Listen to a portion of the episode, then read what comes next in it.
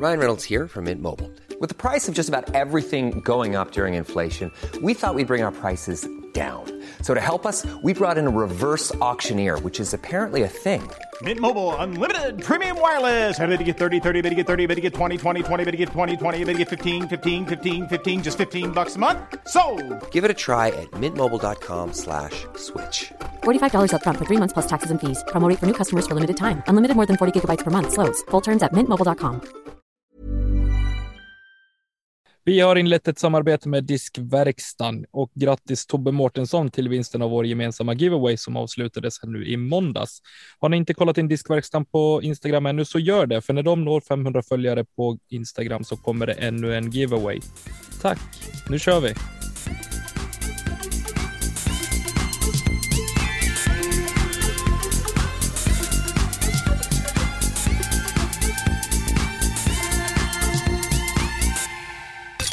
Ja, hej och välkomna till dagens avsnitt av Kedja ut. Idag har vi en, en intressant gäst med oss i form av Linda Emanuelsson. Varmt välkommen! Tack, tack. Kul att få vara med. Ja, vad roligt. Eh, jag har, vi har ju ett eh, fullsmäckat körschema här med frågor och annat och info om dig Linda, så vi ska prata om och så. Men först vill jag kolla läget med mina poddkollegor Tommy och Lina. Hur är läget med er? Jo tack, det är bra. Det är fredag och man är väl eh, taggad inför helgen. Det ser ut att bli eh, en eh, liten resa till Brevens bruk för att tjuvträna inför lag-SM, eh, om vädret tillåter. Det mm, ser inte ut att bli superbra väder, men kanske förmiddagstripp i alla fall, så jag är lite taggad inför det. Hur är det med Tommy? Jo då, ovanligt eh, bra humör på min sida idag kan jag säga. Mm. Eh, så det är fantastiskt. Nej, men jag, jag mår bra. Jag har fått spela discgolf för helgen. Jag är eh, nöjd. Jätte, jättenöjd. Härligt. Så ja, jag kan leva på det några veckor tills snön har smält här uppe. Ja, hur är egentligen situationen med snön? Ja, den finns Stabil. Den är stabil. Det är gott om snö. Jag skulle tro att vi har 80, 80 centimeter kanske på gården där vi inte har skottat någon snö. Det är bättre än fyra meter i alla fall. Ja, jo. Det är det Ja, mi- faktiskt. mindre i alla fall.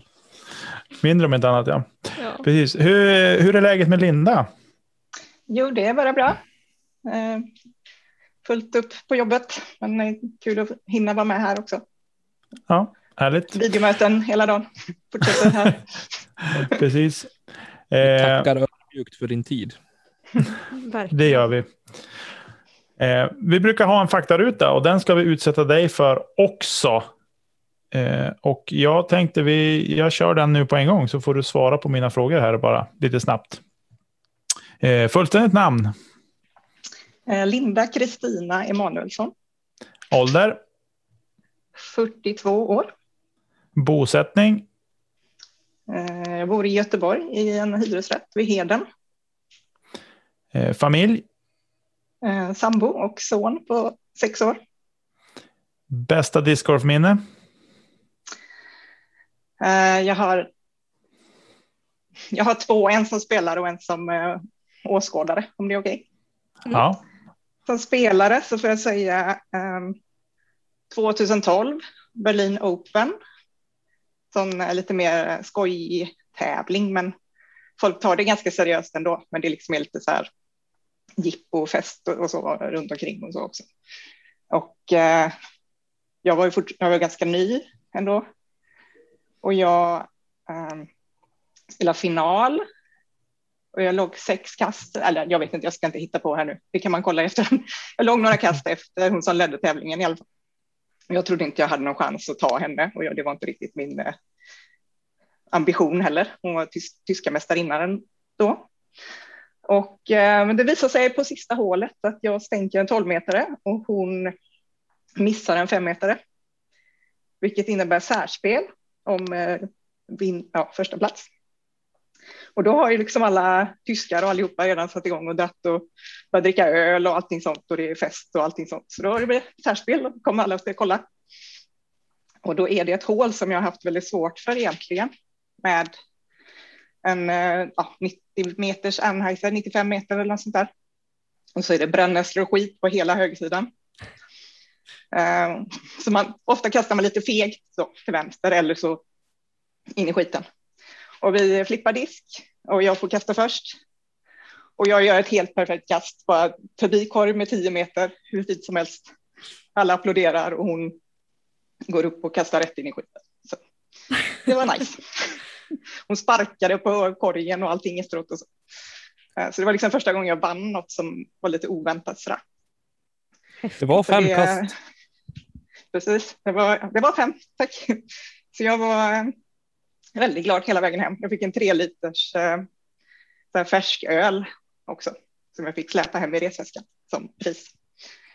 Och äh, året efter kom jag tillbaka och vann med tio kast. Så det var en tävling som jag gillar. Eh, Okej, okay. som åskådare då. Eh, min son, nybliven femåring i Slottsskogen på riktiga banan på ett 65 meters utförshål. Eh, var och spelade med mig och en annan kille som spelar discgolf League. Jag kommer tyvärr inte ihåg vem det var jag spelade med. Det var någon av killarna i Magpie i alla fall. Och det står fyra killar på tio som släpper förbi oss. Och på min son kastar först, vilket han alltid vill göra. Och han eh, drar iväg den rätt ner i korg. Och den stannar kvar i korgen. Nej, ja, vad mäktigt. Magiskt. Så det, ja, det är mitt absolut bästa discgolfminne. Ja, det, det var lite, lite bitter att jag inte filmade, kan jag säga. Ja, ja vad häftigt. Men det var sjukt mäktigt. Mm. Cool. Gud vad coolt. eh, om du bara fick ha en disk på en hel säsong, vilken skulle det vara? Eh, det, ja, det får nog bli min Champion Cobra. Tänkte precis säga, jag vet vilken det är.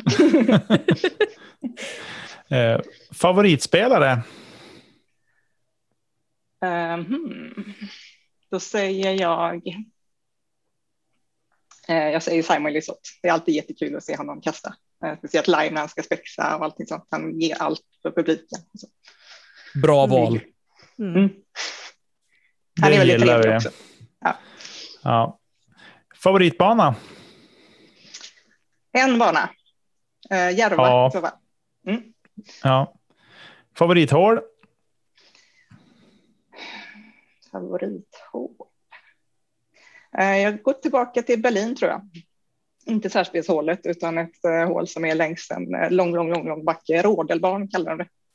De, uh, det är sånt signaturhål. Det är ingen riktig frisbeebana utan det är en, en park. I Berlin så får man inte kasta frisbeegolf.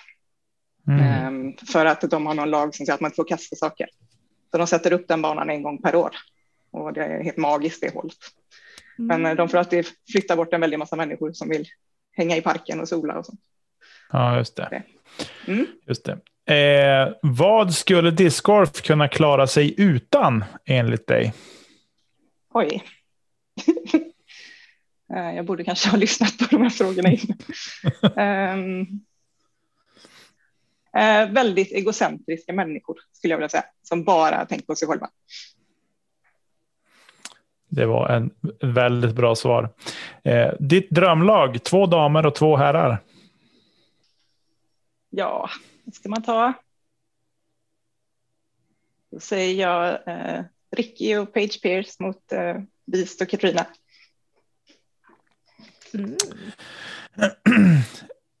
och då sista frågan. Om du för en kväll fick äta middag och splitta några buteljer med valfri person, levande eller död, vem skulle det vara? Eh, då väljer jag flera personer i så fall. Jag skulle vilja eh, hänga med styrelsen i Svenska Discgolfförbundet. Vi har, på grund av corona har ju inte vi träffats, flera av oss då, eh, som grupp. Så vi, vi sa Liseberg till sommaren, om det lättar, vore nice. Ja. Vi ska skriva in det i vår verksamhetsplan. Så. Ja. Det tycker Låter jag ni ska som göra. Bra svar. Det är ni värda. Ja, det var faktarutan Linda och du överlevde ju och står fortfarande upp, så det var ju bra eh, tycker jag. Nu får Tom eller Lina ta över här och fortsätta lite. Ja, eh, jag är väl den av oss i alla fall som har träffat Linda mest. Men eh, det mesta vi har träffats är ju egentligen bara på discgolfbanan och har ju inte riktigt haft varken tid eller chans att lära känna varandra på riktigt. Så det här såg jag verkligen fram emot och eh, blev väldigt glad när du tackade ja. Um, mm. Och uh, vi fick ju lite information av dig på förhand. Och av att bara läsa det som du har punktat upp här uh, så jag blev lite positivt överraskad över allt som du har hunnit med. Men uh, jag tänker att vi kan väl börja med så att ja, hur länge har du spelat discgolf? Jag kastade första gången 2009 tror jag. Mm. Började tävla 2010 om jag inte minns fel. Mm. Eh, ganska, ganska fort jag satte igång med tävlande. Min första tävling var STGO på Järva. Oj. 2010. Så det var, det var min sambo som sa ah, det är en tävling här i den här poolen för damer och så i Stockholm. Vi kanske skulle åka upp, det är ändå din födelsedag. Jag bara, jajamän. ja, folk bara, det där det är Nicolo Castro, det är han med håret. Jag bara, ingen aning vad de pratar om. Liksom. Jag visste inget. Det är han med håret, det är fantastiskt. Ja.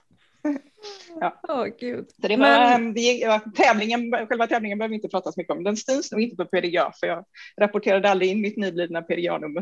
Tror jag. Ja. Så man får leta bakvägen. Det är preskriberat nu i ehm, alla fall. Precis.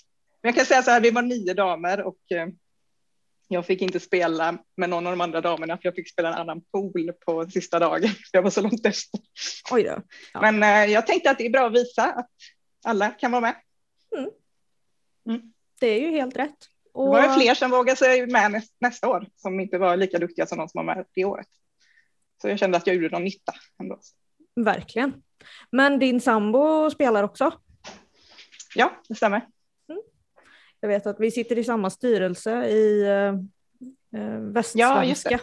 Ja, eh, gör mm. vi. Så, mm, träffat digitalt. Men eh, efter det så har vi ju, du är ju ordförande för uh, Frisbeeklubben 360 i Göteborg uh, och även vice ordförande för Svenska Discgolfförbundet. Du kan väl ja, berätta lite om hur det är och hur det ställs för dig som liksom ur en kvinnas synpunkt. Uh, mm. jag har inte tänkt så mycket på att jag är kvinna i de sammanhangen. Jag är van att jobba med nästan bara män. Jag jobbar mm. i, inom IT och så. Uh, och pluggat och sånt på Chalmers. Så det är liksom inget, inget jag tänker på överhuvudtaget skulle jag säga. Nej. Uh, det kanske någon annan tänker på, men inte jag. Så um, vi har väl varit ensam tjej i styrelsen i 360. Det har varit några enstaka medlemmar. Camilla Grundén till exempel mm. i klubben. Um, Ja, nej, de har varit schyssta. Det har inte varit några problem med styrelsen. Så. Eh, sen har vi Svenska Discgolfförbundet, där har vi ju krav på oss, tror jag, eller kommer ha krav på oss att vara jämställda eller någonting. Jag vet inte, det är så på RF-nivå i alla fall. SFF har ju sådana regler att det ska vara 50-50. Ja. Och vi är ju tre killar och två tjejer där, tror jag. Men det, det kanske är avrundning, eller så har vi inte så hårda krav än. Eh, där är det kul att det är en tjej till, Josefin, är med där. Just det. Hon spelar inte så mycket, men hon, är, hon har väldigt mycket sunda åsikter och hjälper till med allt som behövs och så. Och bra på att dra tjejer till sporten i Edsbyn tror jag det kan vara, om jag inte är helt fel. Eller? Jag är inte så bra på Norrland. Jag minns faktiskt inte, men hon kan ju få rätta Nej. oss ifall vi har fel. Ja, precis. Alltså nu måste jag bara få flika in här. Edsbyn och Norrland, inte så ja, jag mycket. Jag insåg när jag sa det. Det var säkert helt fel. För oss är det det. det visar ju på det jag sa, att, jag, att det stämmer. Du var i Norrland i sommar, Linda. Det är okej okay att ja, säga att det, det är det Norrland. Ja. Det var Norrland. Mm. Ja. Just det. Men du har arrangerat, var du med och arrangerat massor med tävlingar? Eh, ja, eh, jag arrangerar ju västkusttouren i några år. Eh, I Ale och det var. Det var ju olika TDs på olika banor, så det var ju, touren var ju runt i Västsverige. Mm. Och eh, Ale har ju två banor, så då fick jag två tävlingar per år att arrangera, till skillnad från de andra som hade en. Så. Eh, men det var, det var kul. Ja. Eh, men bra, jag tyckte det var bra när vi fick spinn och så. Väldigt smidigt och eh, rodda med de bitarna. Eh, även om det var ganska nytt då. Mm. Mm. Precis. Och sen har du varit kommentator på flera tävlingar. Ja, eh, damfinalen på The Open jag vara kommentator tillsammans med Emil Dahlgren för att Jeremy Colling hade åkt hem. Eh, Ja. det, var, det var bra. Jag vet, vi kollade på, kollade på det när jag var och hälsade på min syster i USA. Så satt vi och kollade på det på tv och så tog det en stund. Så kom hennes, hennes sambo och satt och tittade med oss ganska länge och sen bara, "Men, det är ju du som pratar ju. Jag lät så proffsig så att eh, hon förstod inte. Ja, men det var kul. Hur är- och sen fick Hur jag är just den kom- biten då med kommen, kommentatorsbiten tänker jag? Det blir ju större och större med, med coverage och så även i Sverige. Eh, Är det någonting du kan tänka dig att fortsätta med och liksom eh, lägga kommentatorsport på, på flera olika tävlingar och även nationellt kanske? Jag tycker, jag hoppas att det kommer bli, eh, om vi ska hålla den biten med manligt och kvinnligt så hoppas jag Mm. att det kommer vara mer bitar från, eh, från damsidan som är med och kommenterar också. Mm. Absolut, på damsidan skulle jag säga, eftersom jag känner så många som spelar och så, så Mm. jag har så mycket info som eh, andra inte har, liksom. kan komma med kuriosa och allting sånt. Så, Mm. Så det skulle jag gärna göra. Eh, Jag kommenterade även Swedish Open i Borås, damfinalen där, tillsammans med Elin Klarenäs. Det var roligt. Mm. Ja, och sen har det hunnit bli lite, lite SM-medaljer också. Ja, Kan du berätta om dem som du har? Mm. Jag har ett SM-silver i FPO. Tror jag. Det Jag är säker på att det inte är fler. här. Ja. Jo, jag har ett i alla fall, men jag är lite Mm. osäker på om jag har två, men jag tror det är ett. Eh, sen har jag flera eh, guld i par-SM med olika partners. Och eh, något silver nu senast, eftersom eh, Elina och Matilda slog mig och Pia. Just det. Ehm, precis. Och sen har jag SM-guld i FP40 från i somras då. Ehm, eftersom jag inte hade tänkt eh, åka till Norrland. för att jag är lite rädd för myggen. Så ehm, Det är insåg jag jag att det blev, precis, jag tänkte jag skulle spela NT istället, men så blev det ingen NT och så i sista stund så fanns det en plats i FP40. Så jag var glad och åkte med de andra. Ja, det var ju ett bra beslut om inte annat. Rent Ja. tävlingsmässigt. Du presterade ju fantastiskt bra. Alltså Mm, totalt sett supertrevlig grupp var det. Också. Mm, jag förstår det. Men utöver svenska mästerskap så har du ju eh, faktiskt eh, tävlat i fler mästerskap. Vi var ju inne lite på eh, tyska mästerskapet. Mm. Eh, men du har ju faktiskt deltagit i fler. Mm. Ehm, Så Berlin var inte tyska mästerskapen, utan tyska mästerskapen var i Kellenhusen i norra Jaha. Tyskland. Ehm, Och det är en väldigt häftig bana längs med no- no- norra vattnet, vad det nu heter. Är det Östersjön som går dit ner? Eller Något vatten. vad det nu heter. Ja, Vi är Ehm, inte kända för geografi i den här Nej. podden. Nej, inte jag heller. Nu avslöjar mig här. Eh, bland annat så har de ett hål eh, på sandstranden. Man står uppe på ett utkikstorn, kastar ut eh, längs med stranden. Så eh, drar man en backhand så är det väldigt lätt att vinden drar den långt ut i vattnet så man får bada.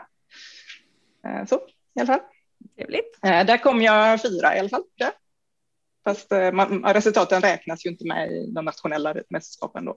Mm. Man får ju inte, kan inte ta medaljer eller så. Nej, Men eh, har jag varit med i fler eh, nationella mästerskap. Eh, som jag skrev. Eh, australiensiska mästerskapen var jag med i när jag var eh, gravid. Var vi på semester där. Vi insåg att det kommer dröja innan vi kan ta med oss en parvel till andra sidan jorden. Vi passade på att åka dit. ja. Så då fick jag, då kom jag tvåa efter Death Reading som inte heller är australiensare. I alla fall. Mm. Eh, Och sen norska mästerskapen spelade jag kanske året efter jag hade börjat tävla eller någonting. Eh, Det var runt ganska många damer, kanske 20 damer och jag lyckades knipa en tredje plats och var helt överlycklig i alla fall. Mm. Sen tror jag det är slut på eh, nationella mästerskap, tror jag. Hur, hur, är, det- hur är discgolfen i Australien?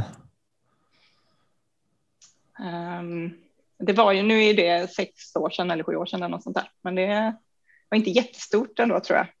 eh, Då. Eh, Det var lite så alla kände alla. Jag tror inte det var, det var inte många damer med i tävlingen till exempel. Eh, Det var i Brisbane och Sydney tror jag som det fanns banor som jag vet. Ja. Eh, okej. Men de, eh, ja, Mm. Mm. Men eh, mer på listan så har vi ju även att du har varit i USA och spelat. mm, Eh, några NT. Och sen så Mm. har vi ju faktiskt ett VM och ett EM. mm. Samma år lite tror jag. Det var bara någon vecka emellan de två tävlingarna. Oj.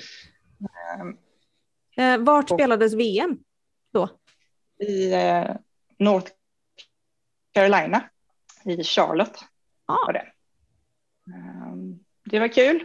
Eh, jag eh, gjorde inte så bra ifrån mig eh, första halvan på första rundan för att jag skulle spela med en tjej som hette Melody King och jag var ganska ny i sporten då, men det var också 2012 eller något sånt där, 2013.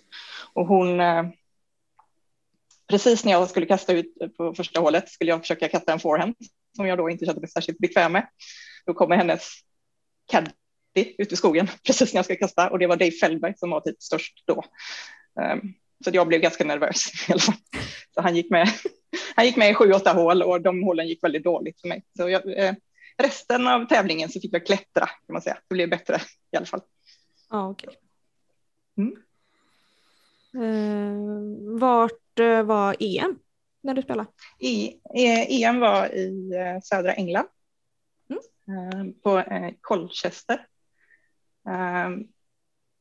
Man kan åka med Ryanair dit, bara en kort bit därifrån, så det var billigt att åka dit.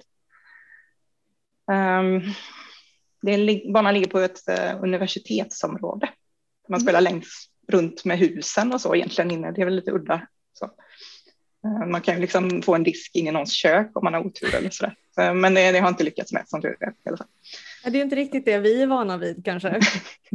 Nej, Men var det på samma sätt då att eh, EM eh, liksom utsågs av eh, Mm. förbundet som ett lag och så? precis. EM Var det- var landslag och VM fick vem som helst som hade några poäng åka Mm. på. Eh, Var det fler tjejer än du som fick åka på EM? Ja, det var Ragnar Bygde som vann. Mm. Angelica Frans också. Jag undrar om inte Camilla var med också. Jag tror det var ett, två, tre damer i, eh, i toppen, eh, svenskorna. Det var då vi var, eh, fortfarande var en stormakt inom discgolf kan man säga. um, och Nilofar var med också. Så det var ganska många damer som fick åka då. Ja, verkligen. Vad roligt. Mm. Men då när ni var över på VM så mm, spelade ni fler banor och så i USA då också? Vi spelade ju tre banor bara på tävlingen. Mm. Eh, Så eh, eh, vi spelade väl de banorna, vi spelade någon av banorna som inte vi damer fick tävla på, som herrarna tävlade på till exempel. Sen vet jag inte om vi reste runt någon mer. Nej, jag tror vi var där ganska kort tid i och med att vi skulle hem till EM också, om jag inte minns fel. Just det. Mm. Däremot så har jag varit i USA och kastat. Jag tror samma år var jag där i februari och spelade Memorial. Så Mhm. då spelade många banor. Då var vi både i Florida och Arizona. Så, så det var kul. Vart på Heiser-VM då alltså? Precis. Ja. Det var många. Det var, det var en del diskar i vattnet. Jag var i och första på hål ett en gång när vi tränade så var jag i och badade efter min disk. Jag fick veta efteråt att det var avloppsvatten. Så det var bara, var bara åka hem och ta av kläderna, hänga dem på tork i poolen och duscha. Ja, Då Mm. Men jag fick tillbaka det. disken i alla fall. det är det viktigaste. Precis. Hade det varit kobran så hade du gjort det flera gånger om. Exakt. Men grymt. Alltså jag är helt häpen. Så här, vad, fan vad grejer du har gjort alltså. Mm. Ja, Jag tycker det är mäktigt. jag tycker det Det är kan ju ha någonting att göra med att eh, vi har samma hobby i hela familjen. Då, så att, eh, Mm. det är inget snack när vi ska åka på semester att man ska åka liksom, så. någonstans med, med discgolfbanor. Liksom. Gärna något ställe med så många banor som möjligt på liten yta. Jag tror det vi hittade som var liksom mest bang for the buck var Austin i Texas. Tror jag. Det Mm. fanns sådär jag har hört 50 att det- banor inom 40 minuter eller någonting från där vi bodde som var Åh, bra. Så det var mycket spelande. Det är fantastiskt. Det det är en trevlig stad också. Det kan jag verkligen rekommendera. Mm. Härligt. Jag tänkte på en grej, det här med att du har ju spelat på, eller blivit filmad när du har spelat eh, på coverage och sådär. Eh, på DGTV. Mm. Och eh, hur är den upplevelsen just första gångerna där när man blir, har kamerorna på sig? Vi har ju haft fler spelare med i podden som har, har spelat på coverage men inte riktigt pratat så mycket om det. Men Mm. hur ser du på den grejen eh, just i början? Det, DGTV var ju i somras så då har jag varit filmad många gånger innan. Så det hjälpte nog. Mm. Ehm, jag tror i Köpenhamn jag blev filmad första gången jag gick med Valerie Jenkins och Holly Finley och någon mer. Uh, den kom dock aldrig, det, det filmandet la de aldrig ut tror jag däremot. Ehm, sen eh, eh, har jag blivit filmad på eh, SVT Play också då, på par-SM två gånger också. Mm. Så det var väldigt nervöst eh, första gången. Kan jag säga. Det var eh, ehm, första gången de filmade i, i Norrköping så var det damer och herrar. Vi gick ut samtidigt i finalen så vi turades om så att de skulle kunna filma. Eller nej, det var, vi var liksom hålen bredvid varandra. Så de, de filmade först damerna, sen herrarna, sen damerna, sen herrarna. Så det var liksom vartannat Ja, hål. Så vi, det som var lite jobbigt med det var ju att vi fick ju stå och vänta 15 minuter mellan varje hål för att de andra skulle spela hålet bakom. Så man hann ju bli kall och så. Det var inte optimalt för eh, när man skulle bli filmad och så heller. Men vad gör man inte för att synas i tv? Sporten får eh, synas. Men det som var jobbigt där var i alla fall eh, första, det var ju tre, tre par damer som skulle kasta ut och jag var första personen som fick kasta. Det var jävligt nervöst och de kom med, liksom, precis när jag skulle kasta ut så kommer en sån här gigantisk kamera rätt upp i nyllet. Liksom. De var inte så vana att filma discgolf heller. Så, ja. Eh, Det det första kastet blev väldigt dåligt, men som tur var så gjorde min partner Nilo ett eh, kanonkast, så det var inga problem. Fantastiskt. Härligt. Förhoppningsvis ska ju den utvecklingen gå framåt också just med eh, de som filmar, ju större sporten blir också. Ja.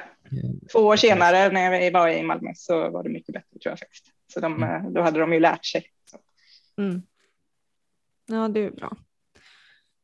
Sen så, på tal om SVT, så är det ju faktiskt eh, lite stort också att eh, din eh, sons första kast är ju faktiskt med på tv. Var det inte det? Mhm. Ehm, Eller tolkar jag det fel nu det du skrev? Ehm, gjorde första kastet första gången? Ja, det var jag som gjorde, inte min son. Det var det jag Ja, precis berättade. Jag gjorde första kastet. Då förstår jag. Mm.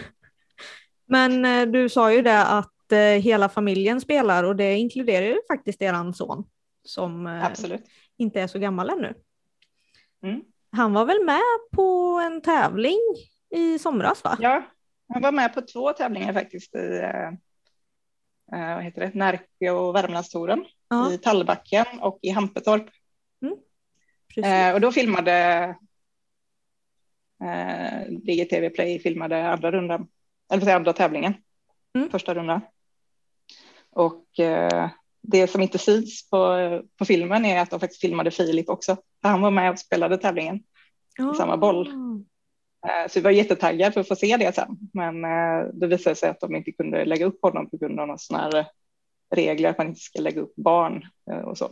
Hur helst på Ah. Youtube. Vad tråkigt. Så ja, det har varit spännande att se. Mm. Så, De kanske om man har kollar på den så kanske dela. man undrar, var, ibland, precis, ibland ligger det liksom en röd disk vid korg som man ingen vet vem den är så, Ja, på film. vad härligt. Men han tog, det, han tog det inte illa i alla fall. Han var väl lite taggad på att få se det, men han klarade av det bra.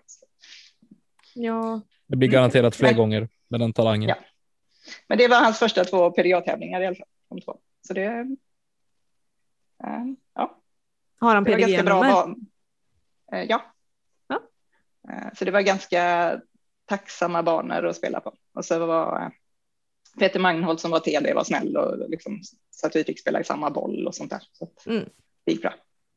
Ja, Peter är väldigt bra att ha att göra med på tävlingar. Mm.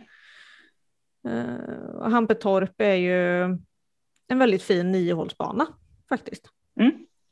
Så den har jag varit och spelat också. Härligt.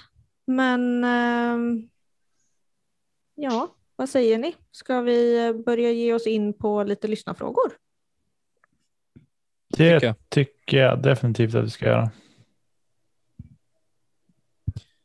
Grymt. Vi tar och studsar in i det. Anton Lind känner vi väl alla ganska väl vid det här laget. Eh, han undrar hur många gånger i veckan du springer. Eh, han säger att du springer väldigt mycket och så tycker han att du ska fortsätta på den biten. Eh, Jag tror eh, snitt är nog fyra dagar i veckan. Är det det som du har som eh, träningsform på sidan av discgolfen eller håller du på med annat runt omkring också? Eh, Ja, jag kör yoga varje dag också. Och så lite styrka också. Lite annat. Snyggt.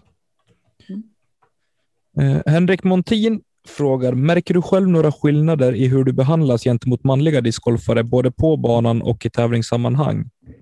Eh, och vad skulle du föreslå för förbättringar för att göra discgolfen mer jämställd, om du tycker att det behövs? Vi var ju inne lite grann på det, men du kanske vill komplettera det. Mm. Jag kan ta första frågan då, om jag märker någon skillnad. Eh, På tävlingar. eh, inte jag själv, däremot har jag varit med om det, som tur är ganska många år sedan nu, men det var mycket snack om att damerna var långsamma ibland, liksom, att dambollarna var långsamma. Och det var, men det var, var vi ju inte. Liksom. Det var ju mer bara det att på sådana här långa, tuffa banor med mycket OB och sånt så, så blir det ju fler kast och då tar det ju längre tid. Mm. Speciellt om det går dåligt för någon. Det var ju någon gång jag gick med en tjej på SM på Rudan och eh, det kom någon och bara sa till, kan ni snabba på liksom, ni är långsamma. Och hon hade gjort jättemånga kast. Hon började ju typ grina efter det. För att då kan man ju liksom, om man har den åsikten kan man i alla fall titta först. Är de långsamma? Tar de lång tid på sig eller inte? Eh, Men som tur är så har jag inte varit med om det sedan dess, så det kanske har bättrat sig. Sen är det ju också Eh, väldigt person- stor skillnad på att ta lång tid eller att göra Precis. många kast. Alltså, Exakt. Lite känsla kan vara bra att ha Ja. ibland. Så. Eh, Men sen personligen, de eh, gjorde ju den här hemsidan Respect Her Game, så skrev de ju väldigt många bra grejer som man kan göra. Eh, Man kanske kan uppmärksamma om man själv inte gör allting rätt alla gånger och så. Eh, Och jag kände väl inte att det var så jättemycket på den listan som, som jag själv har drabbats av, men det var en grej som gäller mig ganska mycket. Och det är jag är en sån här högsensitiv, jobbig spelare som behöver ha tystnad och, och inte rörelse runt mig. För att jag tar in allting direkt. Jag har tränat på det, men det går inte att träna bort. Och det är väldigt jobbigt när man är ute och spelar på banor, casualrundor och sånt där. Då står det liksom ett gäng discgolfare, ofta killar, står och snackar och bla bla bla bla bla bla. Och så, liksom, så kommer min sambo och ska kasta. Och då, så här, jag menar, vi har ju många diskar i väskan, så det ser väl kanske lite proffsigare ut. Och då ser man hur de bara stannar upp, tittar och det blir liksom helt tyst. Sådär. Och han kastar sitt kast. Och så är det min tur och då börjar allt sorgligt. Alla börjar snacka bla bla bla. bla. Sen kanske jag gör ett bättre kast, men ingen som ser. Liksom. Och nu är det inte så noga att jag känner att folk måste titta när jag kastar. Det är inte viktigt. Men eh, det blir liksom lite, man ger vissa typer, man ger liksom killarna respekten och tjejerna bara skiter man i på något sätt. mm. Det är lite tråkigt tycker jag. Så det kan man ju tänka på. verkligen. Någonting som du är väldigt bra på däremot Linda och det ska du ha en eloge för för att du vet ju om det. Men du är också väldigt duktig på att säga till. Alltså det är ju så att det är ju inte, för jag vet du har sagt till mig några gånger eh, och det är ju inte för att jag inte visar respekt men det kan vara för att ja, men, för min del så tycker jag liksom att jag är på väldigt behörigt avstånd. Och jag vet en gång så här bara, eh, jag tror jag typ viskade verkligen så här i handen och du bara, kan du vara tyst? Jag bara, jag trodde inte du hörde mig ens.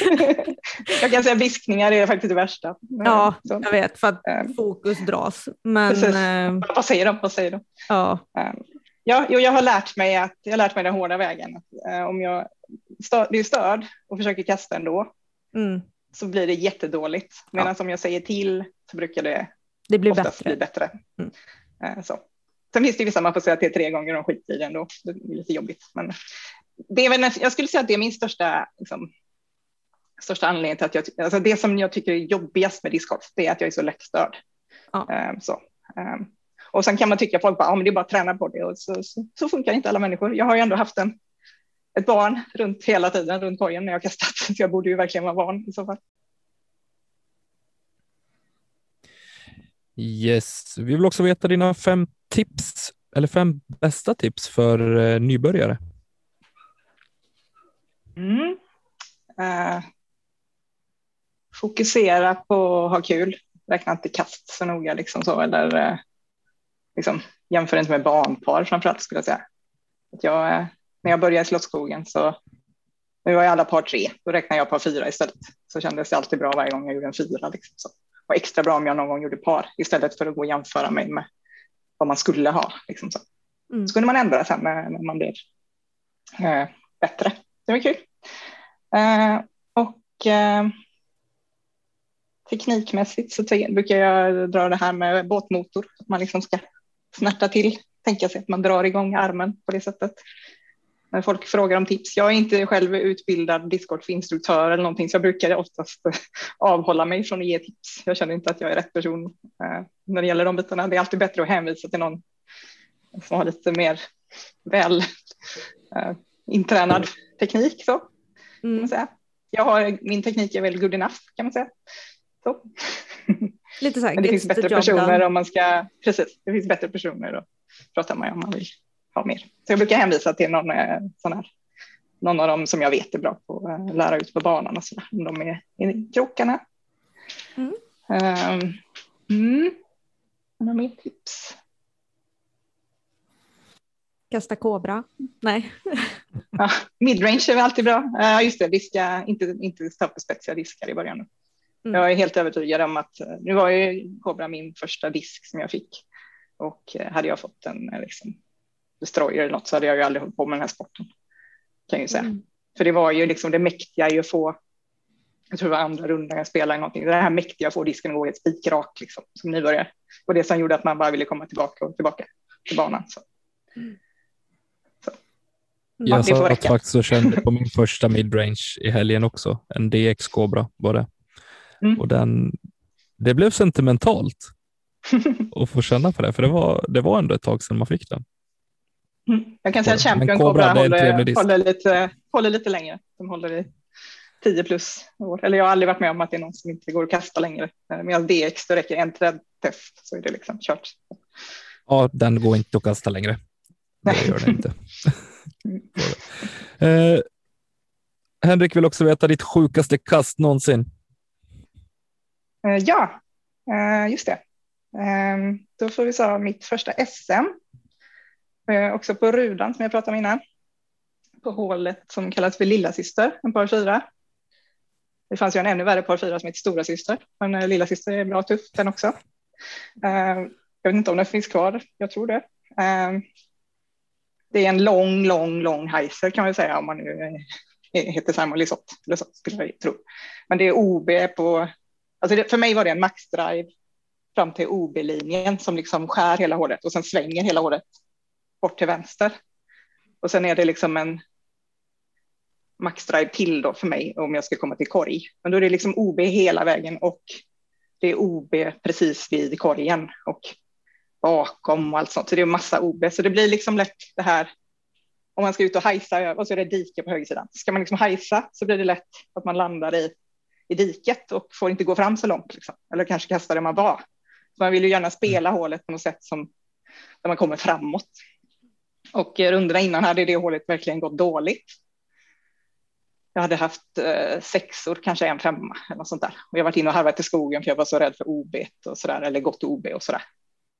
Så tänkte jag på natten när jag inte riktigt kunde sova, låg jag och tänkte på detta hålet.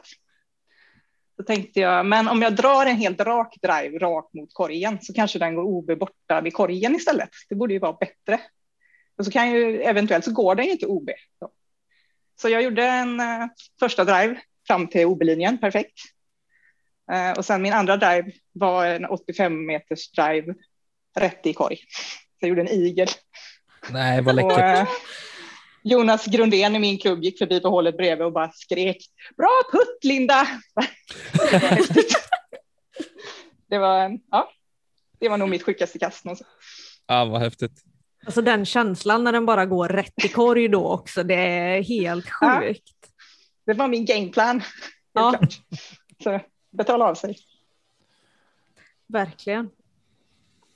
Yes, ska vi hoppa vidare så tar vi Hans Westman. Han skriver, jag såg dig spela på DGTVs eh, sändning från MVT Hampetorp eh, och då hade du din son med. Hur påverkade det din koncentration och prestation tycker du? Som jag sa innan då så var han inte bara med, han var ju faktiskt med och spelade också. Mm. Så det är både filmning och han som är med och hålla ordning på honom. Jag kände att där blev det nog nästan overload i eh, intryck. Så det var Mm. bara, då gick jag över i något automatläge och kunde liksom, ja, jag bara kastade när jag skulle kasta. Jag tänkte liksom ingenting. Så, så det gick faktiskt bra istället i det fallet. Det blev så mycket liksom med, med både video och han. Och jag ville liksom inte att han skulle springa i vägen för kameran eller i vägen för någon annan. Det blev så himla mycket att tänka på. Mm. Um, sen kan jag säga på att ha med honom på tävling. Det kan vara ibland går det jättebra och ibland så, så är han som ett barn är mest och får ett litet utbrott. Och sånt där. Ehm, nu senast jag hade med honom eh, på tävling eh, på Ali Gul så eh, på Snäckebäcken så kastade han i korg och rullade ner för backen.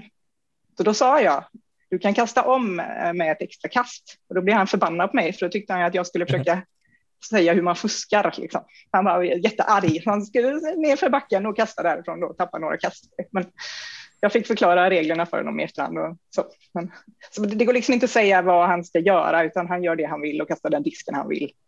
Mm. Och vill han spexa för kameran så gör han det. Och så, även om det inte går i korg. Då. Man, får, man, får, man måste låta honom vara roligt också så länge han inte stör andra spelare. Om man säger så. Ja, men definitivt. Det tycker jag är Mm. en förutsättning för att man ska fortsätta också. Precis. Mm. Ja. eh, Caroline Flyborg frågar så här. Vilken aspekt inom discgolfen tror du är viktigast för att få sporten att fortsätta växa gällande antalet kvinnor som aktivt tävlar?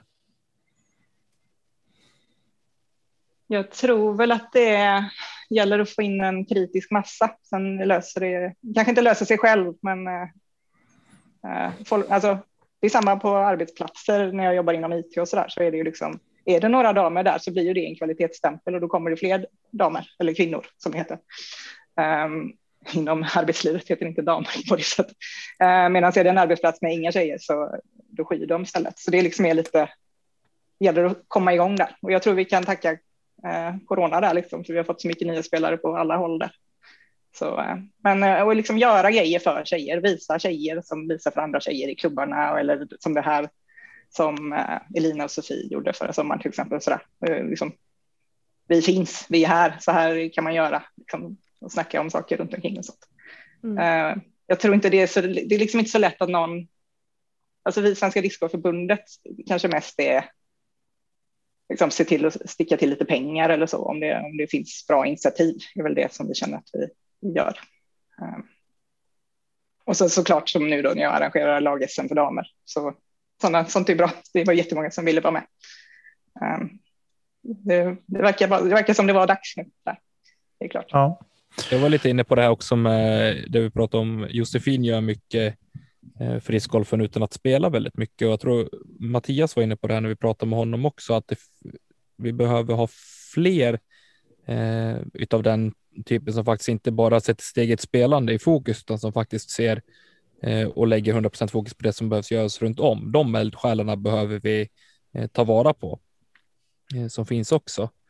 Eh, vad tror du om, om den infallsvinkeln? Ja, ehm, jag lägger faktiskt också mycket tid eh, som inte är spelande. Eh, jag spelade mer förr än vad jag gör nu. Ehm, Mm. Och eh, anledningen till att jag började engagera mig var nog ganska mycket för att jag hade tävlat så otroligt mycket och jag kände att det fanns så många människor som gjorde så mycket bra. Och det jag tänkte var väl lite att om alla drar sitt strå till stacken och gör lite grann så kan det bli så fantastiskt bra allting. Istället för att det är några få personer som jobbar hela tiden. Det är samma personer som arrangerar nationella touren år ut och år in och så där. Det är bra om liksom, Mm. man behöver inte göra allt. Man kan bara göra något. Så hjälper det alla. Definitivt. jag. Och då slipper man personer som bränner ut sig och så också som liksom får för mycket på sitt bord också. Mm. Kolla i klubben om vad du kan hjälpa till med. Det är mer än man tror. Det gör det definitivt. Eh, bästa discgolfminne har vi redan avhandlat. Om du fick välja tre spelare att gå en runda med, vilka hade du valt och varför? Ja, den här tänkte jag faktiskt lite på när jag läste. Ehm, jag tänkte att jag väljer några spelare som var riktigt trevligt att gå runda med, som jag har spelat med, och en person som jag tycker är väldigt kul att, titta på. Eh, och han som är väldigt kul att titta på är Simon Lisotte igen då. Eh, och sen skulle jag vilja spela med den trevligaste damen jag spelat med, var Zoe Envike. Och Mm. eh, på kille så blev det, jag fick tänka ett tag, men det blev faktiskt Marcus Källström. Jag spelade med honom på SM i Västervik häromåret och han var supertrevlig. Det var jättekul att gå med honom. Härligt. Så det gör jag gärna igen. Eh, Daniel Johansson undrar, har du någon gång ångrat att du började med frisbeegolf? Han skrivit. Eh, Ja, Daniel är min kusin som har hoppat in här och ställt frågor. Eh, Jag, eh, nej, det tror jag inte. Så illa har det nog aldrig varit att jag har ångrat att jag börjat med frisbee. Men jag har ångrat att jag inte börjat, kan man väl säga, tidigare. Eh, Jag tror på ett sommarjobb år 2000 så var det en kollega till mig som skulle ut med några polare och, till Slottsskogen och frågade om jag skulle hänga med. Och jag hade aldrig hört talas om sporten. Och han förklarade och jag sa, men herregud vad töntigt. Nej, jag vill inte följa med. så, ja. Men nio år senare så stod jag där i alla fall. Ja, det var ändå inom ett år senare i alla fall. Nej, nio år senare var det. Nio år senare. Vad tror du Ja. hade hänt om du hade hängt med den kvällen eller den dagen? Jag vet faktiskt inte. Det beror, som jag sa innan, tror jag det beror på vad jag hade haft för disk faktiskt. Mm. Jag hade nog kunnat fastna då med. Ja, det är nog inte omöjligt. Eh, Josef Alexandersson, eh, förväntningar inför lag-SM i Brevensbruk i maj? Eh, tävlingsmässigt har jag nog inte tänkt någonting överhuvudtaget. Eh, så, eh, jag har fokuserat mer på arranger, arrangörsbiten. Ehm, och eh, jag var ju väldigt taggad. Jag ville ju att det skulle bli en social grej också. Så. Eh, vi, skulle, vi skulle göra liksom kul grejer på fredagskvällen och så där. Med alla damerna, man kunde grilla eller bada eller något beroende på väder och så där. Men så kom ju corona och då får man ju liksom inte samlas. Så nu är det ju mer blir det av i, i maj, det, det vet vi inte om det blir, så, så blir det bara en ren tävling och man får liksom inte ha någon publik och samlingsplats eller någonting. Så man tappar mycket av det som jag såg fram emot. Så, men då får vi helt enkelt ta det nästa år då, i så fall, om det blir så. Mm. Um, så jag hade liksom mängder med idéer på saker jag, som vi skulle göra, liksom, och, ja, hjälp från andra personer och så. Um, jag och Therese Claesson och Ivar skulle ta fram uh, liksom kul grejer vi skulle göra och så. Men nu har man bara känt att det är ingen mening ens. Det var ju ingen mening ens börja spåna på de bitarna. Liksom. Det kändes ju bara som det blev värre och värre i, i läget. Så, Mm. Ja. så nu förvänt- förväntningarna blir väl att det blir en ganska simpel tävling arrangerad skulle jag tro då när det inte är en massa grejer runt omkring. Så. När man ändå inte får göra någonting. eh, med. Och sen så kommer ju min eh, sambo Thomas vara, eh, jag kommer vara spelande TD och han kommer vara assisterande TD. Och han har själv spelat lag-SM, han arrangerade lag-DM i Onsala förra året och så, så han har ju bra, bra koll på hur det fungerar. Och så. Så det, Mm. det känns bra. Härligt. Eh, Eh, du, Champion K. Ja, Jag vill Kör, bara lägga till en fråga där. Ehm, Mm. Har ni pratat med några sådana här mediabolag ifall det blir någon coverage på rundorna? Eh, ja, vi blev kontaktade av ett bolag som eh, var intresserade av att filma. Jag Mm. tror, nu är jag inte helt säker, men jag tror att det kan ha varit DGTV Play. Jag ska inte säga för mycket. Eh, och jag sa, jajamän, det får ni gärna, om, eh, men det är förutsatt att tävlingen blir av. Då. Så. Ja. Mm. så jag hoppas att eh, om det kommer bort filmar så hoppas inte damerna blir alltför ledsna. Jag vet att när Therese hade Ladies Disc i Borås så var det de bästa damerna i tävlingen ville typ inte bli filmade. Så då var det, var det jag och Elin som fick bli filmade. Var två tjejerna från Vetlanda vägrade. Ja, nej, nej. Jag vet att jag gick med i första rundan och sen så fick de ju filma lead i räck istället för open andra rundan. Just det. Och sen började det regna. Ja, det var, ja, det var, var det du och jag som blev filmade då kanske? Eller? Mm. Elin och Det- eh, Therese ja. också.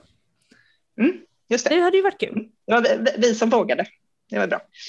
Ja, Vi pratade om det lite också, att det, det blir ju lite fel sportsmässigt då om, om några klipper. Det blir lite dumt också då och andra får vara nervösa. Ja. Eh, Men vi fick ju respektera det, det är helt okej. Men eh, jag hoppas på lag-SM att, eh, att, in, att alla kan tänka sig bli filmade i så fall. ja. Jag tror inte de, de väljer nog inte att filma samma person jättemycket, utan det blir nog mer hoppande. skulle jag gissa. ja. Vem vet? Mm. Du, Champion Cobra, hur startade historien och hur viktig är den i vägen nu? Ja, eh, historien startade med att min eh, sambo som eh, kastade någon gång per år eller två gånger per år eh, under mitten på 2000-talet. Eh, han hade åkt till Hasse Tegebäck eh, och i något eh, garage och köpt lite diskar. Hasse sålde för Discmania då på den tiden. Eh, så då han har köpt några Champion Cobra och så när han kom hem så eh, gav han en till mig. Jag sa, ja tack, okej. Ja. Ja, han spelar inte så mycket själv, så det hade ju aldrig varit aktuellt för att vi skulle spela heller. Jag kommer ihåg att jag la den på hatthyllan och jag rörde den inte och han sa inget om det heller. Och så två år senare så tittade jag på den så sa jag, ska vi inte ta och kasta den jävla disken någon gång? Ska vi prova och se vad det är för något? Det var jag som faktiskt tog initiativ till slut. Då. Ehm, så jag, jajamän, så det gjorde vi. Och, eh, som jag sa innan så det var en väldigt bra disk.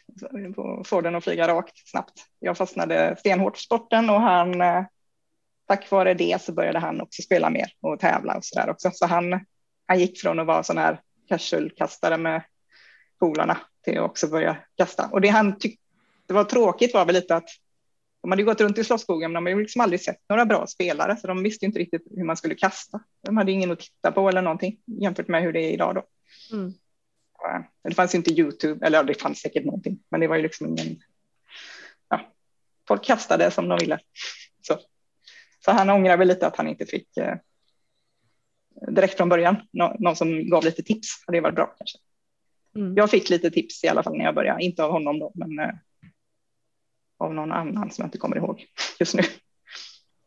Ja. Det var någon som sa åt mig att kasta power grip, kommer jag ihåg.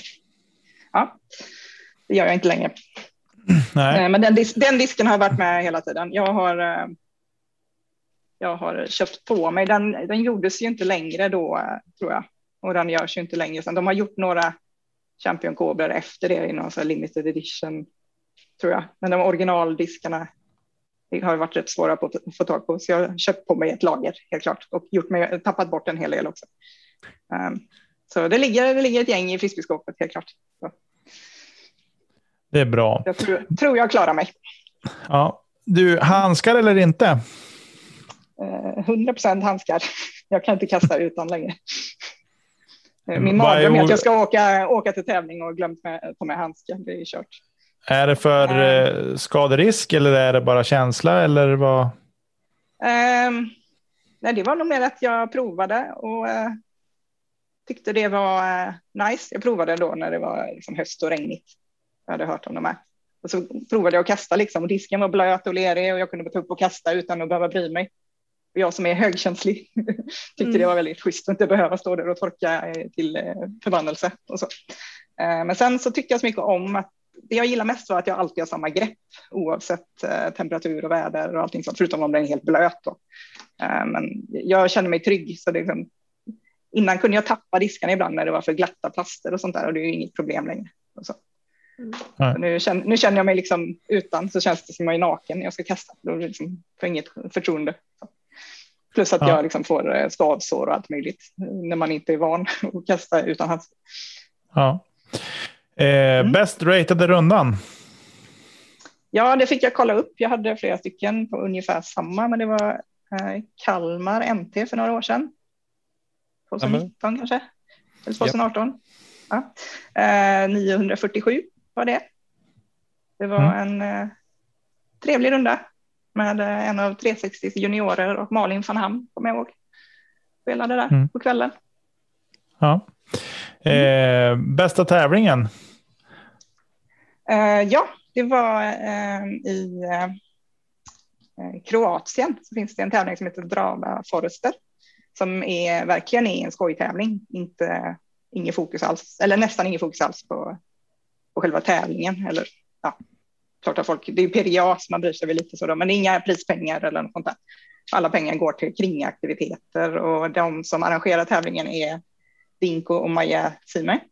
Och de är sådana eventplanerare eh, i jobbet båda två, de är syskon. Eh, så de gör så här ett helt fantastiskt event på fem dagar där man åker ner och det liksom är allt man kan tänka sig. Det är liksom halloweenfester och det är, alla bor på samma hotell och i källaren så har de en bar och så har de typ fyra puttkorgar som är puttävling. De har liksom disco, allt möjligt. Filo brukar stå i baren. Det liksom är så här, allt är grymt. Eh, och de brukar ha någon aktion. De så här, och så här, maskerad, alla, man får ta med sig och klä ut sig enligt något tema och det är hur mycket grejer som helst. Eh, och där eh, har jag varit två gånger och spelat väldigt bra. Eh, andra gången var min allra bästa tävling. Och det var kanske också 2018 eller något sånt där innan corona. Eh, och då, eh, jag tror jag snittade 930 eller något sånt där. Och jag eh, kom tvåa. Och jag slog eh, Katka som vann året innan då jag också kom tvåa och slog flera andra duktiga spelare. Så det har verkligen varit min tävling. Och det är mycket tror jag för att dels för att det är så avslappnat. Folk är, alltså det är inte så seriöst med prispengar och så där och det, jag vet inte, jag bryr mig inte om pengar överhuvudtaget, men av någon anledning så ver- verkar det passa mig. Där. Plus att hålen är, väldigt många av hålen är precis min maxdrive-längd. Mm. Och till och med en par femma, om man gör fyra 85 meters kast så ligger man under korg. Mm. Och då är det OB runt och sådär. Så den verkar passa mig väldigt bra den banan också. Men hela tävlingen är helt grym och fantastisk. Så det, kan jag, det är nästan aldrig några svenskar som åker, utan det är en end of season-tävling. Eh, där det är inbjudna bara. Men man kan tjata sig till en plats. Man kan kontakta mig tror jag också om man vill vara med någon gång. Eh, Mm. Det kan jag verkligen rekommendera alla. Ja. Mm. Eh, mål inför 2021? Eh, Mm. Jag får tävla överhuvudtaget skulle jag säga.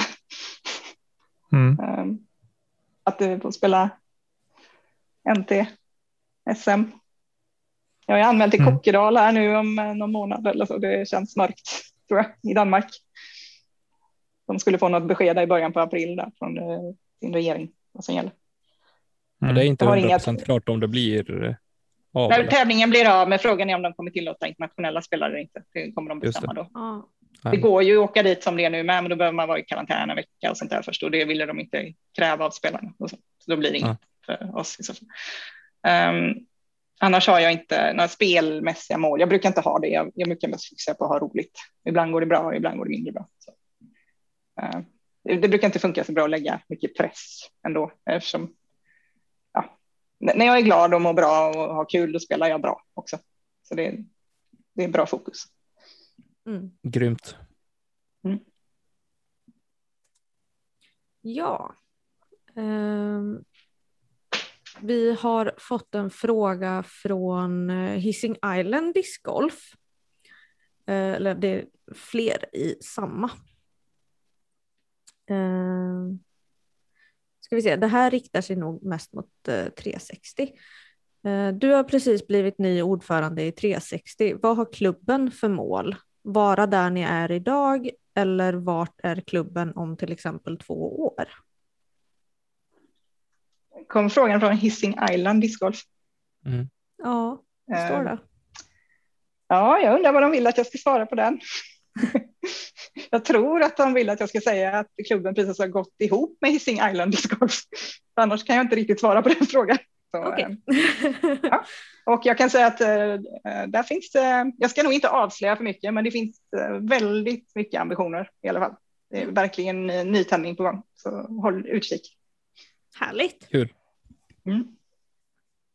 Eh, ska vi se, sen har vi några frågor som har kommit via Instagram och då är det ja, vår nyblivna poddkollega Ted eh, som skriver, vad tycker du utmärker en bra bana? Eh, nu när sporten växer och antalet spelare exploderade, vad anser du att vi ska fokusera på för att välkomna alla nya spelare och få dem att fortsätta i sporten? Det var två frågor va? Eh, bra bana var det först. Ja. Ehm, Jag tycker en bra bana ehm, är väl en bana som har någon form av eh, samlingsplats, liksom, där man kiosk eller så som i Slottsskogen eller eh, som, ja. Alltså Järva till exempel, att man har något i mitten liksom, när man går slingor och kommer tillbaka och träffar varandra och kan snacka. Så det, det är väl, det tycker jag gör det lilla extra och inte bara bygga banan med coola hål utan att det är samma, jag har ju spelat tävlingar som sagt när jag var på VM och sånt och då är man ute i skogen, man ser inte en kotte liksom. Det är inte så där jättekul. Man vill ju se vad som händer runt omkring också. Um, någon form av samlingsplats som inte bara är parkeringen tycker jag. Um, ja. Det är varierande hål. Um, inte bara samma hela tiden. Olika längder, lite upp, lite ner. Tror jag. Mm. Sen finns det banor som jag själv föredrar, men det är, det är en annan sak. Jag gillar platta banor som i Florida. Typ. Jag skippar mycket. Ja. Kan ta lång, an, lång ansats utan att behöva kliva upp på något eller sådär. Inga konstigheter. Bara. Mm. Och Men de är svåra att få till i Sverige. Det är Ja, svårt att få hit Florida. det är ju det. Jag och Nicke pratade ju lite nu i eh, avsnittet som släpptes i onsdags om eh, vad våran, så här, ja men, vilken längd vi föredrar på en par tre till exempel. Har du någon sån här som att ja men, det här är en bra par tre för dig liksom, i ditt spel? Ja, jag avslöjade mig väl innan jag pratade om banan i Kroatien då. Jag, jag gillar väl håll som är 85 meter ganska bra. Ja. Att det passar mig. Men eh, jag förstår ju att de som har en annan max drive längd eller så här konsekventa kast föredrar väl andra avstånd också. Mm. Det, men det var ju för mig, så då är det det. Det är väl lite roligt för att jag sa typ exakt samma. Jag sa 85-90 meter, det, det är bra Mm. för mig. Det är kul om man vet att man har en chans att göra birdie. Det är bra. Ja, precis. Ehm, vi har en till fråga här. Jag vet inte riktigt hur jag ska säga det här användarnamnet, så ursäkta på förhand. Men Samadana. Eh, vad anser Linda om damtid och varför minska antalet, nej, för att minska antalet fullkast för damerna? Eh, hur är det att leva i en discgolffamilj? Gör ni något annat än att snacka disk? Mm. Eh, damtid är väl inget jag kan inte påstå att jag har funderat ihjäl mig på den frågan. Så det kan vara så att jag, eh, om, jag, om någon övertygar mig så kan jag säkert ändra mig. Eh, jag vet back in the day så var snacket ofta att vi ville inte ha damtid här i Sverige för vi ville göra som, vi ville liksom inte, då, då kunde inte de bästa spelarna här åka till USA och spela för då hade de liksom tränat på korta tider och så får man spela på riktiga banor där borta. Um, så var snacket då, men nu har ju det ändrat sig då um, faktiskt. Mm. Uh, och jag tycker spontant så tycker jag det är, är superbra att de har eh, damtior som ändå är genomtänkta hål. Det får inte vara, jag har ju spelat tävlingar i USA liksom, där de har gjort, ja och så har vi damtio och så har det varit liksom sandhögar med några flaggor och så har de typ alla hålen var halverade och så var hålen 50 meter, vilket var mitt hatavstånd då. Så jag vet första rundan så spelade jag typ och jag, åh, det var så jobbigt. Så då gick jag faktiskt och bytte klass till andra rundan. Då fick jag spela eh, ja, icke damklass, vad det nu var jag fick spela. Och då förbättrade jag faktiskt mitt resultat fast hålen var dubbelt så långa. Så, det, eh, så några 50 meters hål så där rakt över tycker jag inte vi ska ha. Eh, men eh, jag, skillnaden mellan oss och USA här är då, jag fick frågan av Stefan Svärd om jag tyckte vi skulle ha damtid på, i Alviken på SM i år. Och de, jag tror de har två amatörtior eller något sånt där som jag hade kunnat använda. Och jag tycker tanken kanske är bra, men det som blir ett problem är ju att då får ju damerna i princip ingen rating, för då spelar de en annan bana. Och eh, då, eh, ja, vad ska man säga? Då det, påverkas är kanske det ju inte värt, i- det är inte värt att inte få en rating för att på två hål. Liksom. Och sen så Nej. då, använder ju, då är det bara de damer som har en rating över en viss nivå som påverkas. Och det vet väl alla att ju bättre spelare som är med i en tävling, desto mer bättre blir ratingen överlag för spelare och mer rättvis. Så sätter du, sätter du up and coming damer som har fått sin första rating och då, vi ska vara propagatorer åt varandra, då, mm. då går det ju inte få bra resultat på ratingen. Och jag diskuterade det med min sambo och han tyckte, ja, men är det viktigt att damerna får rating? Så, äh, kanske inte. Är det viktigt att herrarna får rating då? det hade, fick jag inget bra svar på. ja, jag alltså... menar på att det, vissa, vissa tävlingar så är det ju faktiskt ratingkrav. Och, så min tanke är väl att vi får se till att bli riktigt lika bra som amerikanskarna så gör vi likadant. Mm. är min, mitt svar just nu. Ja, och jag menar vi kanske inte är där riktigt än. Men det är ju så också för att för att få bra rating så behöver vi ju spela mot dem med bra rating också som kan på något sätt dra upp oss. Uh, sen när vi kanske är en 20-30 damer på relativt uh, alltså lika rating uh, som spelar mycket mm. och bra, då kommer det ju mm. säkert kunna bli så att det funkar att göra. Precis. Annars så tappar ju vi mot alla andra ratingpooler som man säger. Alltså, det ser man ju tydligt på nya länder mm. Eh, som har börjat spela nyligen och de spelar bara mot varandra. Och så åker de ut på internationella tävlingar och spelar allihopa 50 över sin rating. För att allihopa har ju bara spelat mot varandra. De har inte kunnat höja sig, för de har inte mm. höjt den stora massan om man säger så.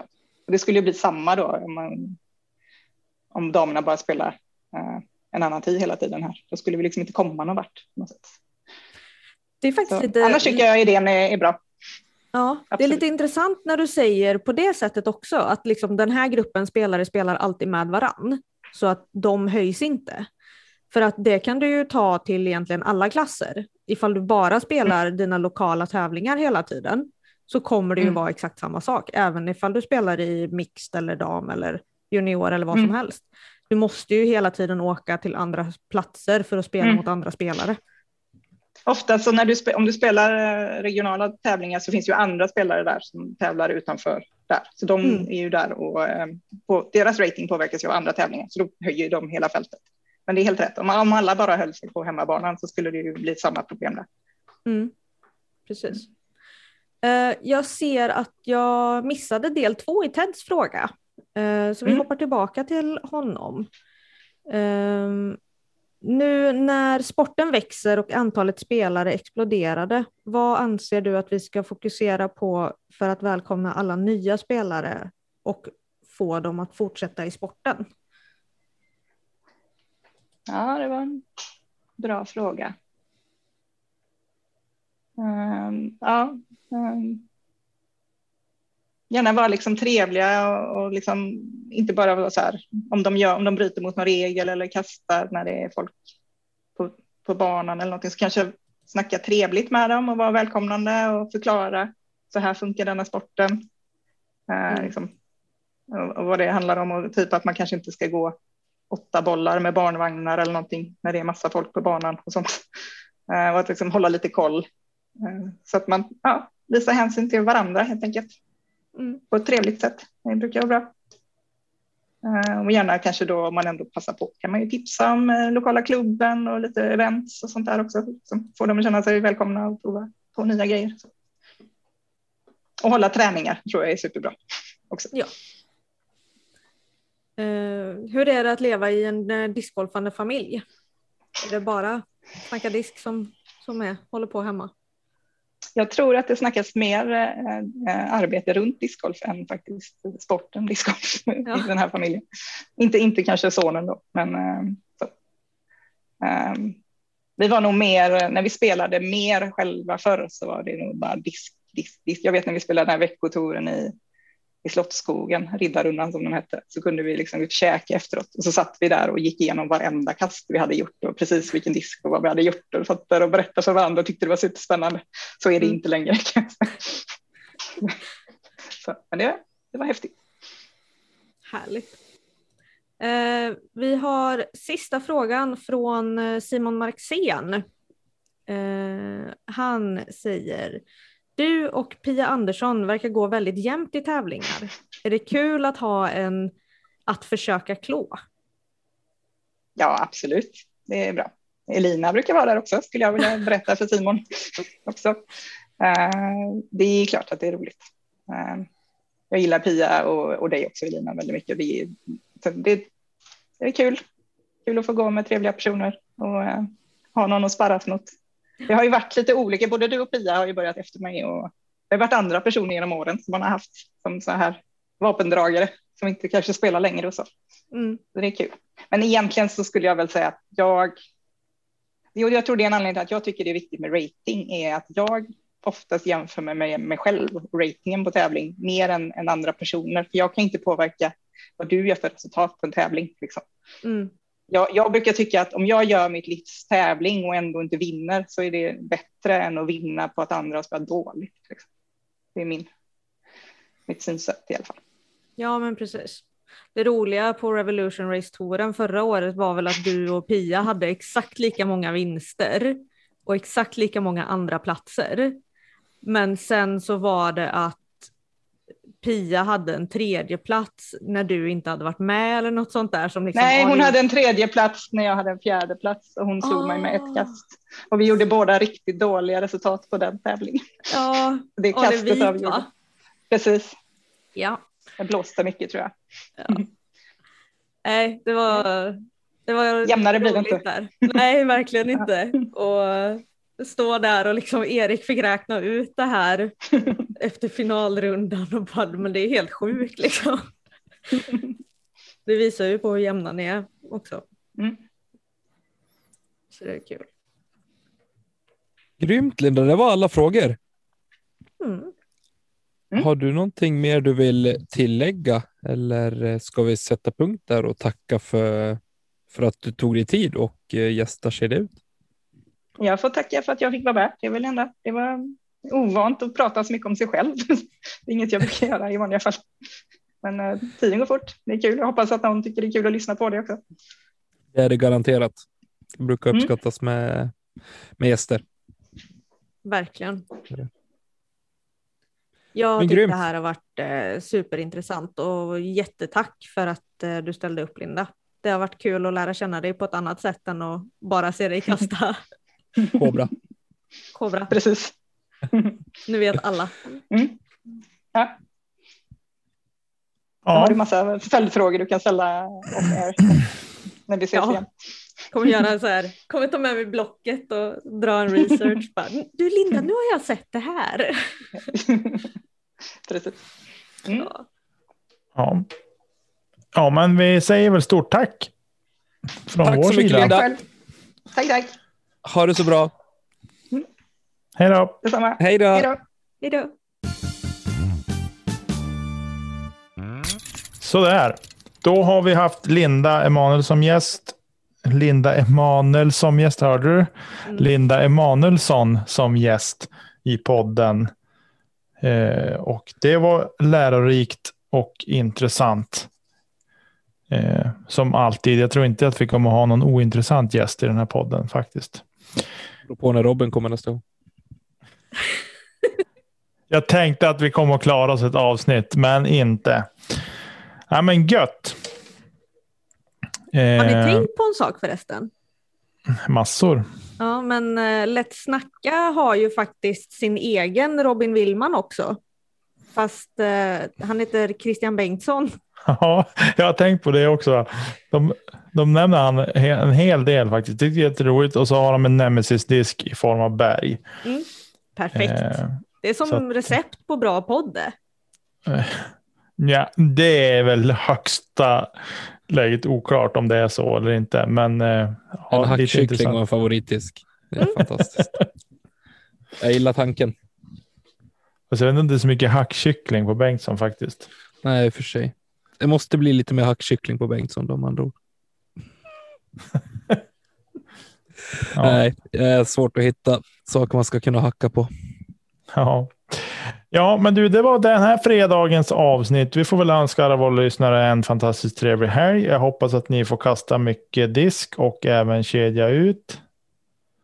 Nej, Kasta kedja kasta ut. kedja ut.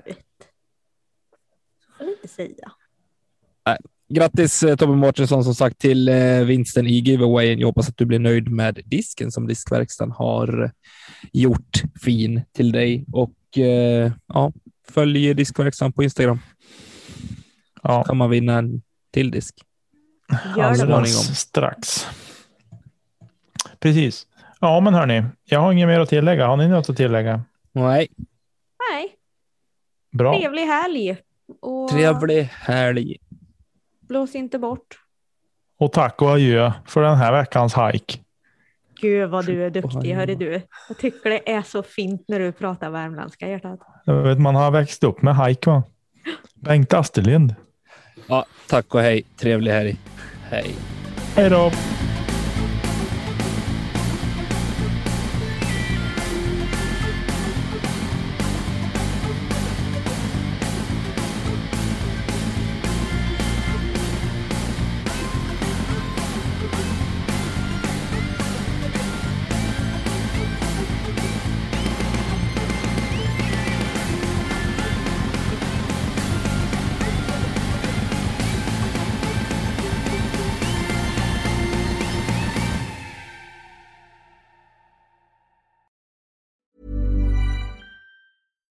Deserves the best, and there's no better place to shop for Mother's Day than Whole Foods Market. They're your destination for unbeatable savings, from premium gifts to show-stopping flowers and irresistible desserts. Start by saving 33% with Prime on all body care and candles. Then get a 15-stem bunch of tulips for just $9.99 each with Prime. Round out Mom's menu with festive rosé, irresistible berry chantilly cake, and more special treats. Come celebrate Mother's Day at Whole Foods Market.